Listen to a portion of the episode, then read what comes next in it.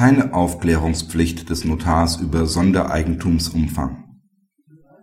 Unterläuft den Kaufvertragsparteien über Wohnungseigentum ein Fehler, werfen sie gern dem Urkundsnotar eine Verletzung von Aufklärungspflichten vor. Nur in Ausnahmefällen ist solcher Vorwurf berechtigt.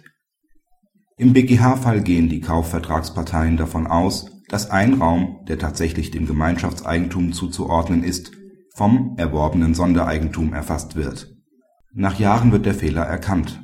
Nunmehr werfen die Kläger dem Urkundsnotar vor sich nicht über den Umfang des eingeräumten Sondereigentums durch Einsichtnahme in die Grundakten informiert zu haben. Den geltend gemachten Schadensersatzanspruch weist der BGH zurück. Eine Amtspflichtverletzung des Notars liegt nicht vor. Dieser muss die Parteien nach § 21 Absatz 1 Beurkundungsgesetz zwar über den Inhalt des Grundbuchs unterrichten, eine Einsichtnahme in die Grundakten hingegen ist nicht erforderlich. Notwendig kann diese etwa dann werden wenn besondere Umstände, die vorliegend nicht ersichtlich sind, zutage treten. Bei einem Massengeschäft wie der Übertragung von Wohnungseigentum ist der Gesetzgeber sogar davon ausgegangen, dass routinemäßige Bezugnahmen ohne konkrete Einsicht in die Grundakten erfolgen können. Den Notar treffen auch aus § 14 Absatz 1 Satz 2 und 17 Absatz 1 Satz 1 Beurkundungsgesetz keine weitergehenden Belehrungspflichten da eine Gefahrenlage für die Parteien nicht erkennbar war.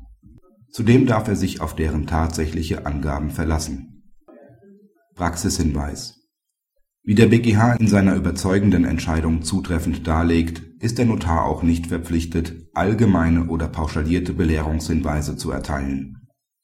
Die Parteien müssen sich daher selbst die notwendigen Kenntnisse über den Kaufgegenstand verschaffen bei Zweifeln müssen sie sogar den Notar auf Schwierigkeiten oder Bedenken hinweisen. Erst dann kann dessen Untätigbleiben gegen ihn gerichtete Ansprüche auslösen. Anders dürfte die Beurteilung bei einer rechtsanwaltlichen Beratung hinsichtlich des Kaufvertrags ausfallen.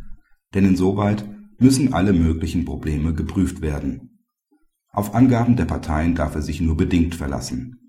Anders als der Notar soll der Rechtsanwalt nämlich die Interessen seines Mandanten wahrnehmen und nicht ausschließlich die Voraussetzungen für einen Eigentumsübergang schaffen.